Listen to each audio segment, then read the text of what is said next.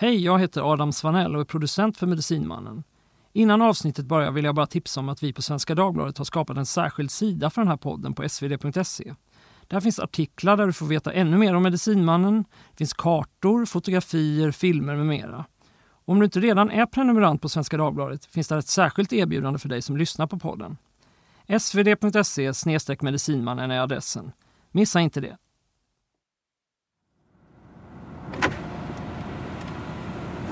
Hey. Hey.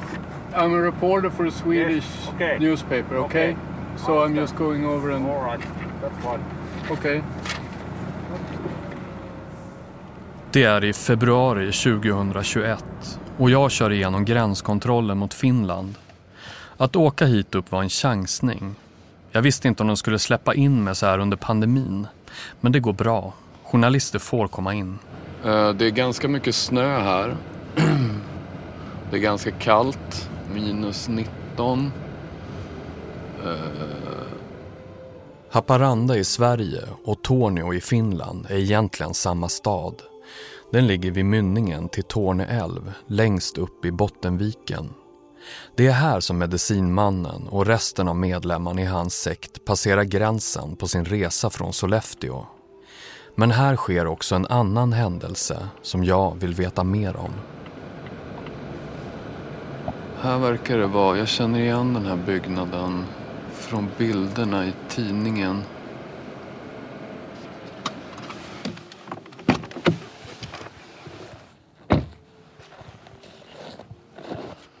Just hit, till vandrarhemmet Heta, kommer tre svenska män den 20 oktober 1991.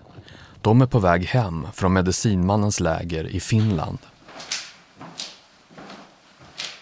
Föreståndarinnan på vandrarhemmet ska senare vittna om att männen uppträder lugnt och prydligt. De håller sig för sig själva, de använder ingen alkohol eller narkotika vad hon kan se. De äter bara grönsaker. Männen verkar helt oförargliga.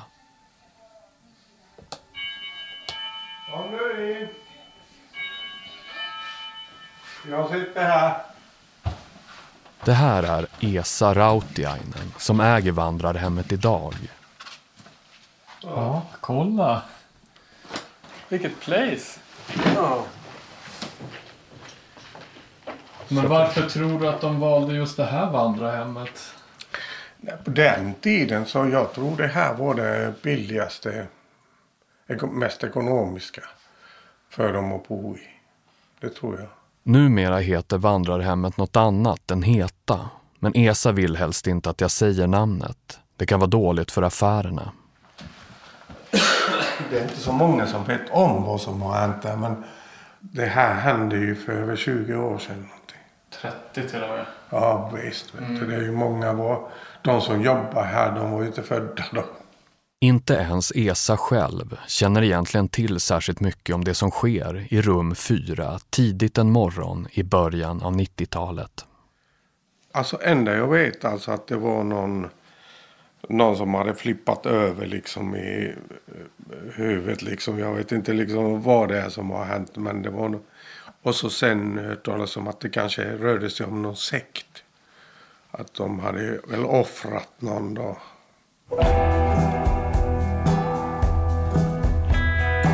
Svenska Dagbladet och Banda presenterar Medicinmannen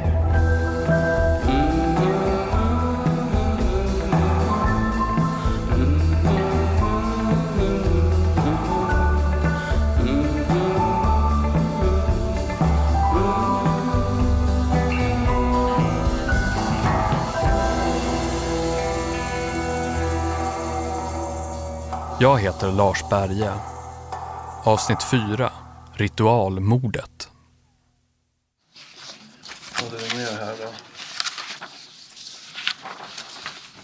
Hittades med kniven i hjärtat. De onda andarna skulle drivas ut. Innan jag reser till Finland går min producent Adam Svanell och jag igenom artiklar från gamla svenska tidningar om händelsen på vandrarhemmet. De två männen var besatta av tanken att driva djävulen ur 25-åringen. De förvandlade rum nummer fyra till en rituell offerplats. Det är en stor nyhet på 90-talet Tidningarna kallar det för ritualmordet i Tornio och gärningsmannen beskrivs som djävulsutdrivaren. Efter att 25-åringen hade dödats hörde Heivi Hakomäki hur de andra två skrek aum, aum, aum. Tydligen har männen bränt sitt offer med små tygbollar som de gjort av sönderrivet lakan. Vi har känt till den här händelsen ända sedan vi började undersöka Man och hans rörelse. Men vi har faktiskt inte brytt oss så mycket om den. Det låter kanske konstigt att inte fokusera på ett brutalt och besynnerligt dödsfall. Men dådet framstod som ett sidospår i historien om medicinmannen. Något som mest råkade hända i hans närhet. En 25-årig stockholmare reste med en vän från Göteborg till Torneå för att studera kulturen hos en indianstam. De tre svenskarna ska inte ha varit medlemmar utan bara gjort ett kort besök i lägret. Och ritualer med djävulsutdrivning, det är inget som Mikkmackstammen sysslar med, står det. Vi driver inte ut onda andar. Vi sysslar inte med att driva ut onda andar. Det känns obehagligt att sammankopplas med de här personerna. Vi har en enorm respekt för livet, säger Mikkmack-indianernas hövding. Så de har varit där och frågat i alla fall. Och så står det också här, det finns cirka 1200 Mi'kmaq-indianer i Kanada och USA. En liten del av dem på senare år flyttat till Europa, de bildat nya byar, de värnar om miljön, vill leva enkelt av vad naturen har att ge. Just det. En person som kallas för Hövdingen uttalar sig och tar avstånd från männen. Det är inte Man utan någon annan. Hövdingen är övertygad om att svensken inte inspirerats på no något sätt av indianerna. Till och med pappan till den så kallade djävulsutdrivaren tar rörelsen i försvar när han intervjuas i Aftonbladet. Han säger han hade en konflikt med sig själv. Eftersom vi var lite oroliga kontaktade vi polisen och flera personer som känner den här gruppen indianer. Men det vi fick höra var bara positiva omdömen. Och då blev vi lugnare. De utländska journalister som granskat Man verkar alla ha gjort samma bedömning. Att det så kallade ritualmordet inte är relevant för hans historia. I de där tv och radioprogrammen som vi har hittat nämns dådet inte alls. Men när jag har kommit så här långt i mitt sökande, när jag vet vem medicinmannen egentligen är, när jag vet vilken makt han skaffar sig över andra människor, när jag har hört om allt som sker i lägret i Finland, då kan jag inte låta bli och undra om hela sanningen om knivdådet i Tornio verkligen har kommit fram. Har Man ingenting alls att göra med det som händer i rum nummer fyra?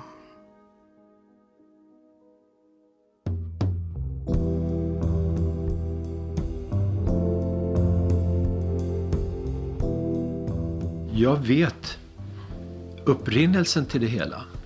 För att indianerna var här vid något tillfälle och hade en ceremoni uppe på våran eh, eh, behandlingshem. Flera av dem som vi har träffat i den här podden visar sig ha minnen av de tre svenska männen. Sommaren 91, samtidigt som rörelsen bygger upp lägret i Sollefteå, åker några av medlemmarna till Väddö norr om Stockholm. Där slår de upp en guam på gården hos paret Thomas och Lena Kristina Tulse. Thomas berättar. Då var det en man som blev väldigt fångad av deras historia och deras resa. Så han bestämde sig för att bege sig upp till dem. Mannen Thomas pratar om är en 25-årig kock som kommer från en mellanstor svensk stad. Jag kommer att kalla honom för Paul. Precis som de två andra svenskarna heter han egentligen något annat. Han var nog lite vilsen och han visste inte riktigt vad han skulle förete sig i världen. Och, och han blev fångad av deras idé. Paul börjar leva med rörelsen i Sollefteå när de bryter upp därifrån får han skjuts av Anita, ni vet hon som är mamma till Nicole. De sitter i bilen tillsammans hela vägen till rörelsens nya läger i ett naturreservat vid vattendraget Sanginjoki utanför Uleåborg i Finland. Vad fick du för intryck av han? Ja, en lite osäker kille, ung kille. Gullig kille. Jag märkte inget speciellt så. Han var inte konstig på något sätt. Lite osäker. Flera personer säger att det verkar som att Paul snabbt får en särskild kontakt med medicinmannen. Anita minns ett tillfälle i den stora Guammen i Sollefteå där hon och Nicole sover under sin första tid i lägret. Paul bor också i Guammen och mitt i natten får han besök av Man. Och så var väl Man där och pratade med honom. Och eh, sen frågade Man mig på morgonen, kunde du sova när vi pratade liksom? Och jag hade ju sovit hela natten utan att märka något. Men det fanns någon varningsklocka om den kom senare eller något, att det kanske hände något annat där som han vill, inte ville att jag skulle höra liksom. En annan person som inte vill medverka med sitt namn beskriver Paul som öppen och kontaktsökande. Men, säger personen, han förändras i Finland. Det börjar med att de två andra svenskarna dyker upp. Vi kan kalla dem Bengt och Mikael. Anita igen. Jo, jag kommer väl ihåg dem. De kom till Uleåborg och ena killen sprang ut i skogen och skrek och hade sig. Det är Bengt hon talar om. En stor vuxen 27-åring från Göteborg. I förhör kommer han senare säga att skrikandet är ett sätt att lätta på trycket. Han och den andra mannen, Mikael, är gamla vänner. Mikael, som är 25 år, kommer också från Göteborg. Han beskrivs av närstående som en sökare och har ett intresse för personlig utveckling och new age. Göteborgarna känner inte Paul sedan tidigare, men tyr sig till honom. De tre svenskarna bosätter sig i ett eget tält i utkanten av lägret. Alltså de var ju jättekonstiga. Alltså det var väl så att folk liksom till slut bara, nej men alltså det här, de här personerna kan vi inte ha med i vår grupp liksom. Nicole, som är sex år vid den här tiden, kommer ihåg dem. Männen skrämmer henne. I en sån här sammanhållning så kan man inte... Det blir svårt om man har en, en eh, kanske vanföreställningar eller liksom inte kan vara med och bidra. Men jag minns i alla fall att det var tre personer som man inte ville ha att göra med. Som barn även då liksom. Så här kände jag så här, nej. Er, man, man höll sig ifrån dem helt enkelt. Och jag minns att mamma skulle typ skjutsa dem därifrån. Och hon bara, nej men jag vill inte köra. Jag vill inte åka i bil med dem. Då kom de och frågade mig, kan du skjutsa oss till Uleåborg? Vi var i lägret utanför.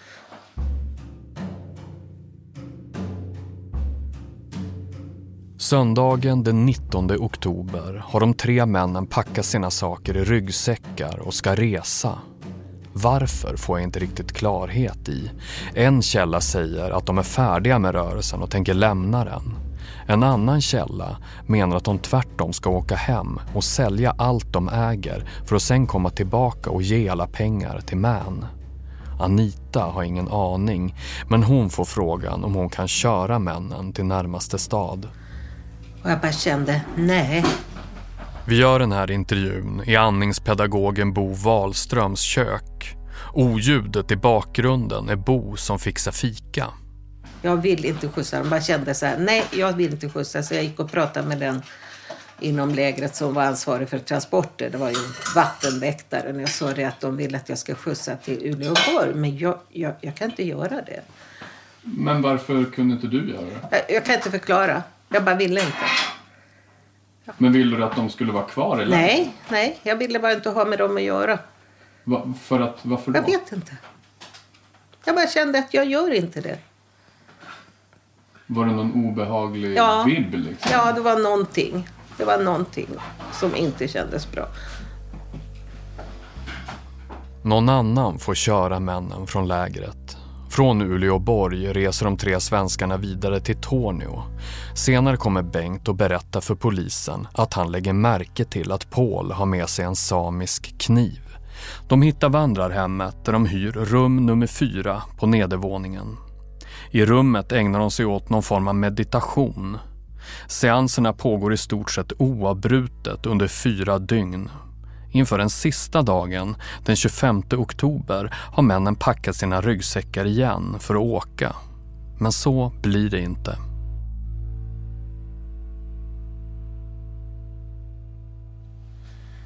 Ska jag sätta mig här? Ja, det blir väl bra. Det blir jättebra. Har vi lite avstånd också? Just det, i coronatider. Ja. Februari 2021. Jag checkar in på vandrarhemmet i Tornio. Det är ett vitmålat tvåvåningshus en bit utanför centrum, intill vägen som löper genom samhället. Neonskyltarna, de som syns på bilderna i tidningarna från 90-talet, har blivit nedmonterade. Esa Rautiainen driver stället sedan några år tillbaka och bor i huset med sin familj. Känns det obehagligt på något vis att den här händelsen har inträffat här eller tänker ni? Alltså, visst. Alltså att i början när vi flyttade hit så kunde det kännas lite skumt liksom. Så, men det är liksom, jag har alltid känt mig lugn här på något vänster liksom. Alltså att det, det, det är väldigt fin atmosfär i huset. Har du lust att visa med rummet hur det ser ut nu? Ja, vi kan ju titta på den här. Alltså nu... Det. Esa tar med mig till rummet där de tre svenskarna bodde.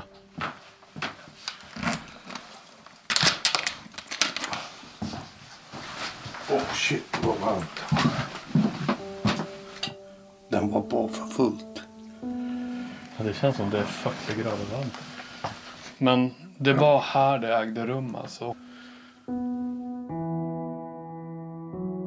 Klockan är strax innan sex på morgonen den 25 oktober när föreståndarinnan ringer till polisjouren. Under natten har hon hört entonigt sjungande mansröster inifrån rum 4 och sen ett högt skrik. Jag känner igen ändå fönstret. Det finns ju bilder ifrån förundersökningen. Jaha. Och då tror jag att det är så en säng stod där. Och så var det två sängar här då i den här delen. Efter några minuter dyker en polispatrull upp. Då hörs inte längre något bakom den låsta dörren. Däremot luktar det konstigt. Det luktar bränt.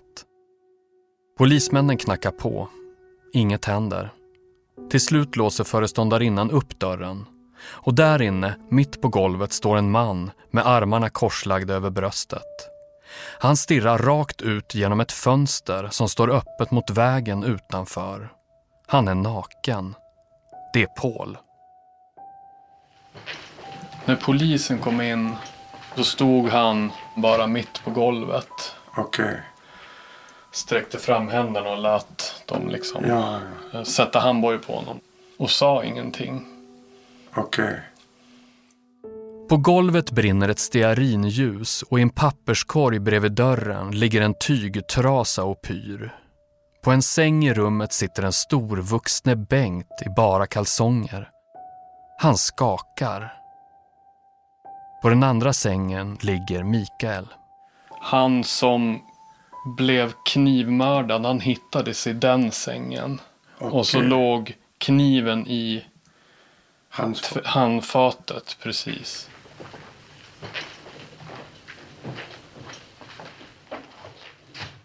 Brottsplatsen spärras av och dokumenteras noga av polisens fotograf. Ett av fotografierna visar Mikael.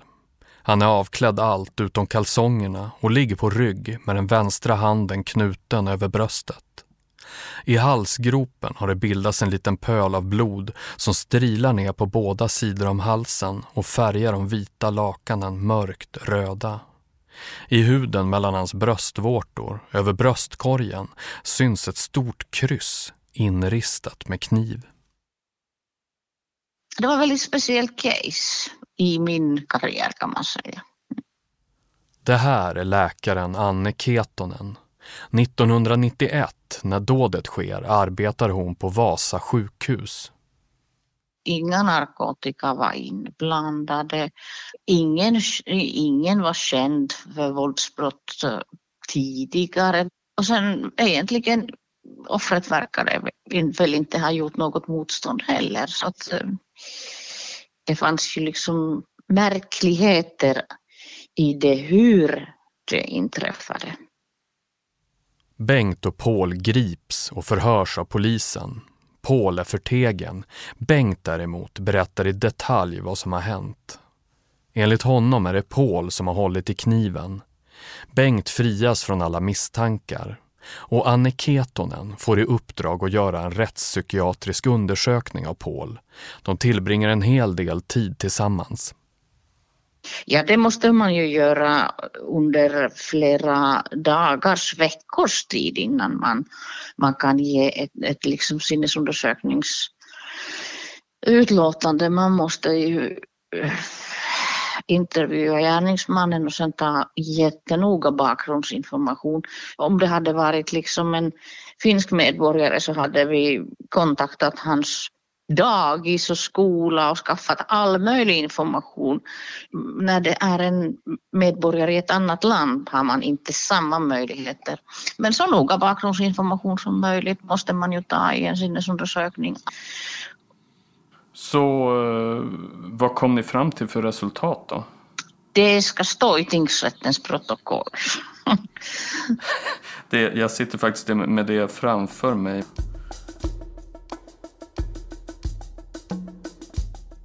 Det visade sig att när Paul sökte sig till rörelsen så var han inte bara vilsen i största allmänhet. Han hade psykiska problem.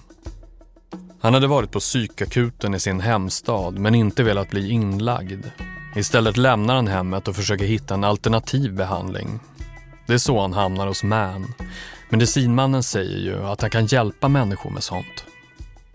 Han gav mig kemiska beteckningar på vad det är träden utsöndrar som är ett slags naturligt sinneshöjande kemiskt medel som vi behöver.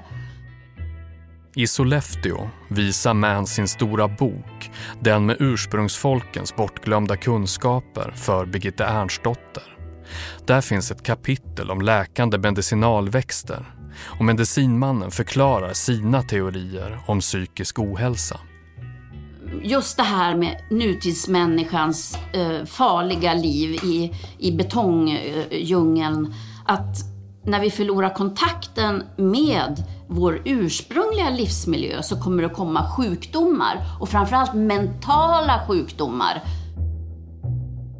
I det intyg som Anne Ketonen skriver efter sin undersökning av Paul beskriver hon hans tankevärld som förvirrad och utan kontakt med verkligheten. Han lider av en vanföreställningspsykos. Han har grandiosa frälsningsinslag i sina tankegångar. En citat magisk och religiös uppfattning, slutcitat. Och brottet han har begått kan ses som en följd av vanföreställningarna, skriver Anne Ketonen. Man kan säga så generellt att grandiosa vanföreställningar eller grandiositet är liksom ett fenomen som där man känner sig liksom ha övermäktig liksom äh, kunskaper eller äh, mans äh, bedömning av sig själv är avsevärt liksom avvikande om man säger så. Okej, men berättade han för dig om, om sin relation till sektledaren? Uh, Jo, jag kan säga att han har berättat mig väldigt mycket saker. Men vad, det kan jag inte, det kan jag inte berätta. Det är fortfarande sekretess på det. När jag ringer Anne Ketonen har jag redan testat en massa vägar för att ta reda på mer om det så kallade ritualmordet. Jag har sökt åklagaren i fallet. Jag har sökt Pauls advokat och kommissarien som ledde utredningen. Alla är döda, eller omöjliga att nå. Jag har försökt kontakta Bengt, han som var det enda vittnet, men det visar sig att han inte lever. Han dog två år efter dådet och ligger begravd på samma kyrkogård som brottsoffret Mikael. Vill jag veta mer om vad som hände den där tidiga höstmorgonen i Tornio och varför det hände finns det till slut bara en person att fråga. Den utpekade gärningsmannen. Djävulsutdrivaren. Paul under de 30 år som har gått har Paul hunnit skaffa sig en utbildning, familj och ett bra jobb. Han verkar leva ett vanligt medelklassliv. Tidigt en morgon slår jag Pauls nummer. Jag är nervös. Jag är så nervös att jag glömmer trycka räck på inspelningsutrustningen. Jag upptäcker mitt misstag först när någon lyfter luren. Uh, ja, Svenska Dagbladet. Eh, du, eh, jag ringer dig för att eh, jag undrar om du kan hjälpa mig att reda ut en grej som vi håller på att undersöka. Som handlar om en grej som ägde rum i Tornio för 30 år sedan. Vet du vad jag pratar om då? Eh, ja, Ja. jag kan väl säga att ja, för det första är det här en, vad ska man säga, en, en historia som har hänt för väldigt länge sedan. Det ni hör av mig är från det riktiga samtalet, men vi har bytt ut Pauls röst mot en skådespelares för att inte avslöja hans identitet. Om jag ska vara så ärlig mot dig som jag vill vara mot dig eftersom jag vet ju att du är en journalist så kan jag säga att det är den mest märkvärdiga händelse jag varit med om i hela mitt liv. Ja, okej. För att den, eh, den, eh, den speglade liksom en eh, andlighet och en fysisk händelse som inte liksom gick ihop. Rösten låter kanske bekant. Vi har faktiskt hört Paul en gång tidigare i podden. Han var med helt kort i avsnitt två. Och då fick vi veta att han kom till rörelsen strax efter att han blivit pappa för första gången. Och i Mans idéer om kampen mellan civilisationen och civilisationen, där hittade han en sorts mening. Det fanns ju en, en skiljelinje mellan det civila samhället som vi lever i, du och jag, och det samhälle som indianerna kom ifrån och som skulle tas tillbaka liksom på något vis. Under 30 år har Paul aldrig uttalat sig, vare sig i rätten eller i medierna, om vad han egentligen upplevde den där natten i Tornio. I början av samtalet är jag rädd att han ska lägga på. Han säger själv att han är osäker på om han borde prata med mig. Jag kan väl säga att jag har väl fått ta ganska många smällar genom åren eh, för den händelsen av olika slag. Eh, och du ska ju veta också att jag har ju fått sparken från olika höga positioner på grund av att det här är, har kommit upp. Det ska du ju också veta. Jag förklarar att det jag vill veta är om alla detaljer runt Mikaels död verkligen har blivit ordentligt belysta. Om det är sant att Man inte var inblandad överhuvudtaget. Alltså när det gäller evidens så är det svårt att säga var saker och ting kom ifrån och varför det blev som det blev. Domstolsbesluten utgår ju från fysisk åverkan, inte från spirituell vägledning eller vilseledning. Den är ju, den är ju svår att bevisa. Men det hade ju såklart att göra med eh, den påverkan som fanns ifrån honom. Eller det som var där såklart. Han hade väl en, eh, vad ska man säga, en eh, ledarroll. Och han uppträdde ju som att han hade ett budskap och förstod saker som var utöver vad andra förstod. Kan du beskriva hur han påverkade er? Vad var det ni var ute efter liksom? Ja, alltså, Vad ville ni göra? det här naturtrogna sättet med skogen och alveoler och, och, och energin som fanns i naturen man skulle kunna utnyttja och som man bara använder någon procent av i det moderna samhället. Det hade ju en urkraft och en växtkraft som var enorm och som man liksom hade glömt bort i den eh, holistiska och spirituella världen som indianerna kom ifrån och den kunskapen som de ägde och som Man var den enda som hade full tillgång till. Och eh, på det sättet så skapade väl han en, en, eh, en världsbild som kanske inte stämde. Mm. Och i det så fanns det ju en spirituell andlig del som eh, hade med den här händelsen att göra såklart. Paul förklarar att han verkligen trodde att Man hade unika förmågor. Eller egentligen en kunskap som ingen annan hade. Som var bortglömd liksom via utrotning av alla indianer. Och att alla eh, tidigare hövdingar eller liknande hade blivit avrättade av FBI eller så vad han drog för historia. Mhm. Och han var nummer 13 av 13. Han var den han var den sista som hade överlevt. Men hur går man därifrån till det som hände i motellrummet? Det låter... Jag menar det... Det är ju på en annan nivå så att säga. Jo, jag vet, men jag kan ju inte... Jag... Ja, det beror väl på med, med, med, med vilken övertygelse man tar saker vidare.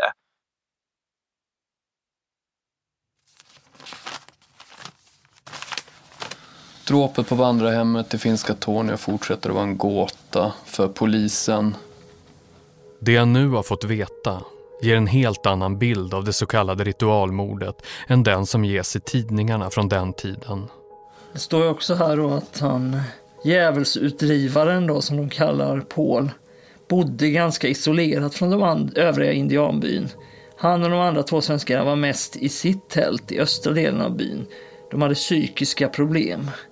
Men efter ett tag märkte de att det här var inget för dem. Paul tillbringade inte bara en kort tid utan minst två månader med rörelsen. Han säger själv att han hade en nära relation till Man. Rörelsen måste ha mörkat det för polis och journalister.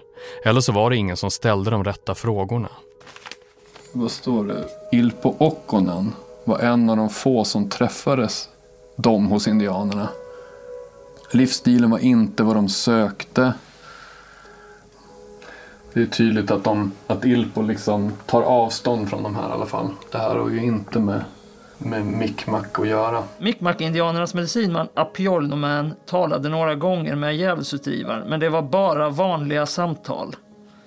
Eh, medicinmannen försökte inte bota svensken. Han använde örter som finns i naturen. Vad använder han örterna till då om man inte försöker bota honom? Det är lite oklart. Ja, verkligen. De två anhållna har suttit i långa förhör hela helgen. De är konstiga minst sagt, säger en finländsk kriminalare.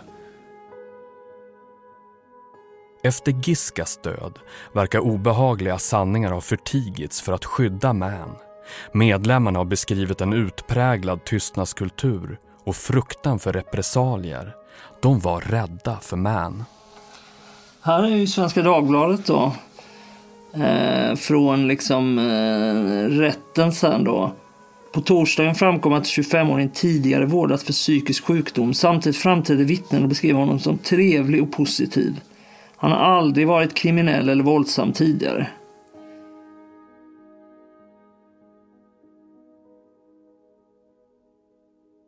Idén att en människa kan vara besatt av onda andar kom från medicinmannen, säger Paul. Och det var det som hade hänt med Mikael. Enligt man så har ju man en förmåga att ta emot goda andar eh, och sen så har man en oförmåga att hålla ifrån sig onda andar. Så han hade väl eh, blivit över, över, eh, övertagen av en, en, en ond eh, andlig varelse som hade liksom satt sig i honom. Typ så.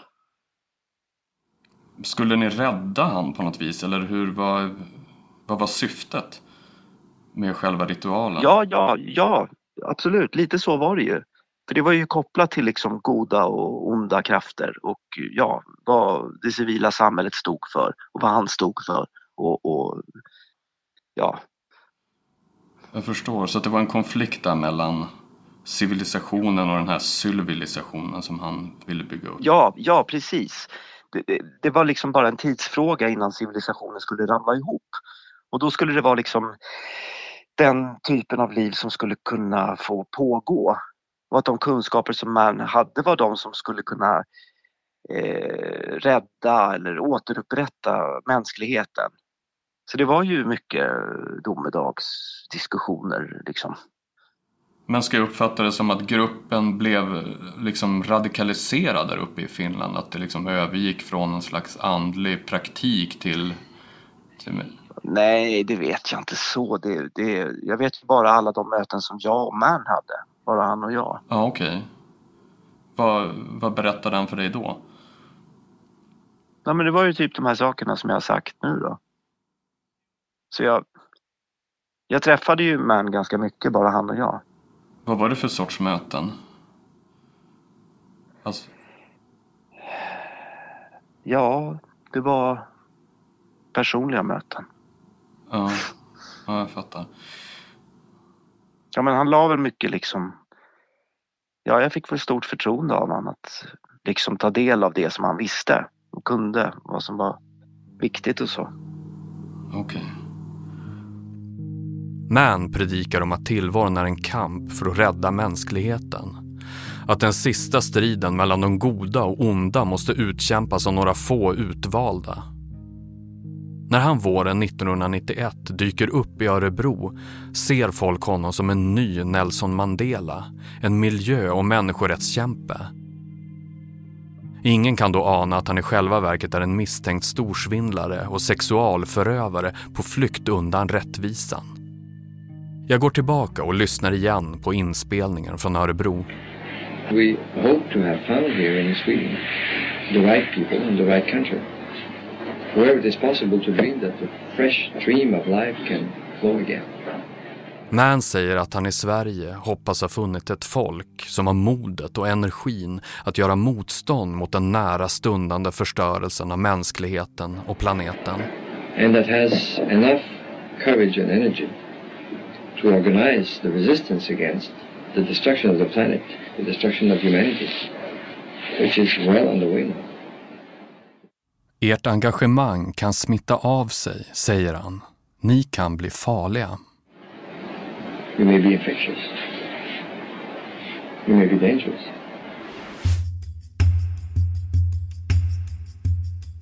Jag har hört andra beskriva hur skicklig man är på att manipulera sin omgivning. Men att få någon att ta livet av en annan människa, hur skulle det gå till? Hade ni någon kontakt med Man innan det här inträffade? Eh, ja. Och hur, vad, vad kommunicerades då? Eh, ja men det var väl Ja men det var väl lite så här foreseeing. Alltså han föreställde sig ju vad som skulle hända ungefär. Typ så. Sådana scenarion kom ju upp. Ja, att Man berättade vad som skulle hända i rummet. Mm, mm typ. Va, nej, vad som, inte kanske i rummet, men vad som, vilka saker som var på gång, liksom andligt. Och vilka, vilka datum som var viktiga datum för att hålla emot de onda och de goda krafterna. Vilka datum som var eh, kritiska datum för att det skulle hända saker. Och typ så. Så var det ju.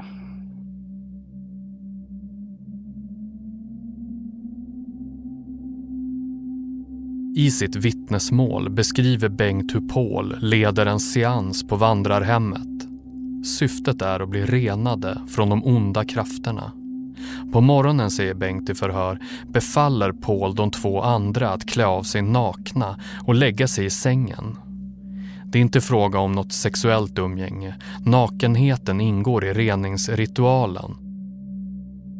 Paul gråter och beklagar sig över att han inte får bort de onda andarna ur Mikaels kropp. Paul håller ett brinnande bloss av madrasstyg framför hans ansikte, men det hjälper inte. Till slut tar han kniven och ristar in ett stort kors i Mikaels bröst. Mikael gör inget motstånd. Vittnet Bengt sitter på en annan säng i rummet och ser på. Det verkar som att hans vän Mikael befinner sig i en annan värld. Då, plötsligt, höjer Paul kniven och riktar ett kraftigt hugg rakt i Mikaels hjärta. När Paul drar ut kniven stänker blodet upp mot taket ovanför sängen. Enligt Bengt säger Paul ingenting. Han bara placerar den blodiga kniven i handfatet. Sen öppnar han fönstret, ställer sig mitt på golvet och stirrar ut i mörkret. Ja, alltså jag kan inte gå in på vad som hände eller, eller hur det gick till. För det, det, det går inte, jag kan inte göra det. Nej, okej, okay. jag förstår, jag förstår. Nej, det tror jag inte att du förstår. Du, du, du förstår inte ett skit av det kan jag säga. Paul åtalas för dråp, men han döms inte eftersom han inte anses ha varit vid sina sinnens fulla bruk. I Finland kan man nämligen inte dömas till sluten psykiatrisk vård. jag har ju klarat mig bra. Jag har ju liksom lyckats utbilda mig och leverera och så det har ju gått bra men, det har ju haft sitt pris att leva med risken att bli avslöjad som en vansinnesperson liksom. Men tänker du att det som hände var Mans fel? Ehm, jag vet inte. Jag tror ju att han har en stor inverkan på, på händelseförloppet och vad som pågick och varför det blev som det blev. Och jag vill inte gå in på, på liksom eh, vissa detaljer för jag, jag, jag, vill inte, jag vill inte prata om det. Men det, det finns, vad ska man säga, eh, väldigt eh, beklämmande situationer som jag har blivit utsatt för. Som jag i efterhand kanske tror är orsaken till varför det här hände liksom. Okej, okay, att han liksom begick någon sorts övergrepp på dig eller hur, hur ska jag tolka det? Ja.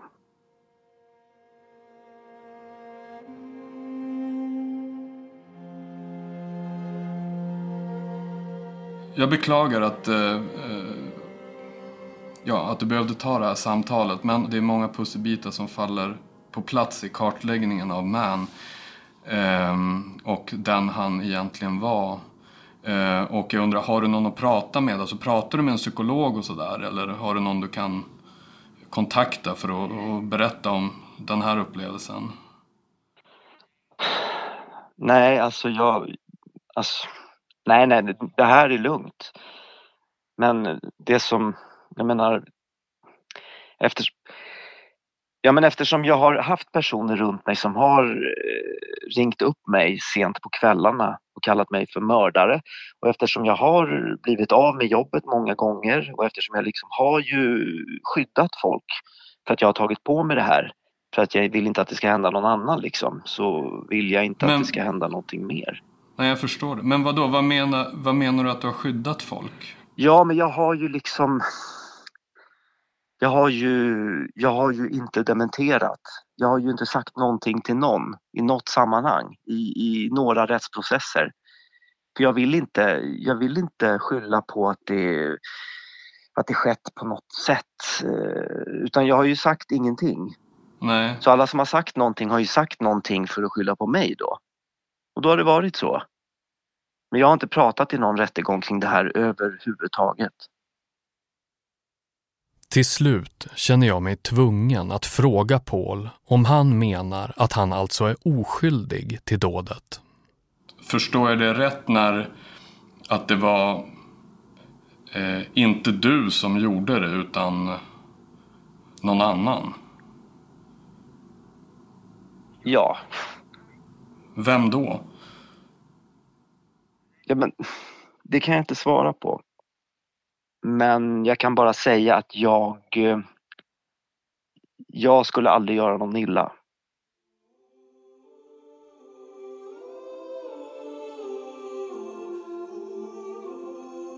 När jag lagt på blir jag sittande med luren i handen en lång stund.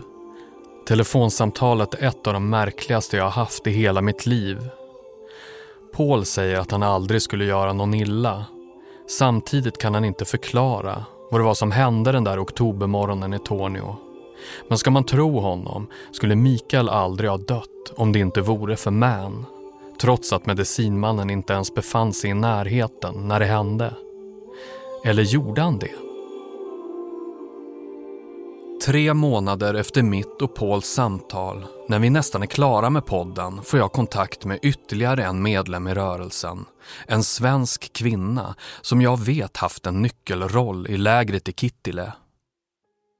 Hon kallas för Nadjal och fungerar under tiden i Finland som Mans sekreterare och chaufför. Hon vill inte att jag spelar in det hon berättar om det här. Men efter att jag har hört Pauls historia känns det fel att utelämna det. Nadjal påstår att hon och Man befinner sig i Tornio den natten i en bil. Hon säger att hon kör i riktning mot vandrarhemmet. När de närmar sig ber Man henne att sakta ner. Långsamt passerar hon byggnaden där de svenska männen befinner sig och Man betraktar motellet med dess trasiga neonskyltar genom bilfönstret. Jag vet inte om det här är sant, men jag har sett med egna ögon att det finns ett fönster som vetter ut mot vägen i rum 4. Jag har läst i polisrapporten att Paul efter dådet stirrar ut genom ett av fönstren. Jag undrar vad det är han ser.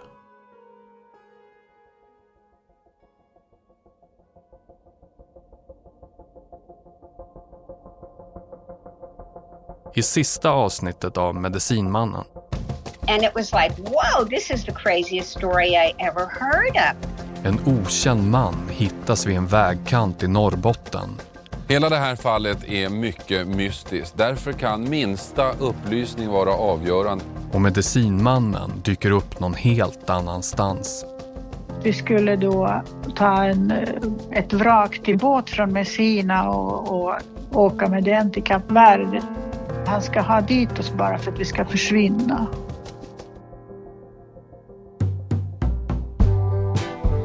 Du har hört Medicinmannen, en podcast från Svenska Dagbladet och Banda. Skriven och berättad av mig, Lars Berge. Producent är Adam Svanell. Exekutiv producent är Hugo Lavett. Och det är också de två som har klippt podden. Researchers. Teresa Kyschler och Jani Pirtisalo Sallinen. Musik av IB Sundström och av Epidemic Sound. Vignettmelodin är IB Sundströms låt Dagen då draken kom. Slutmix av Elin Rosenberg. Grafisk form av Henrik Malmsten. Med i redaktionen finns också Robert Barkman, Ebba Bonde och Tom Henley. Pauls röst gjordes av Tobias Aspelin. Ansvarig utgivare är Anna Kareborg och ett särskilt tack till Peter Östman, Kenneth Mikko och Axel Andén.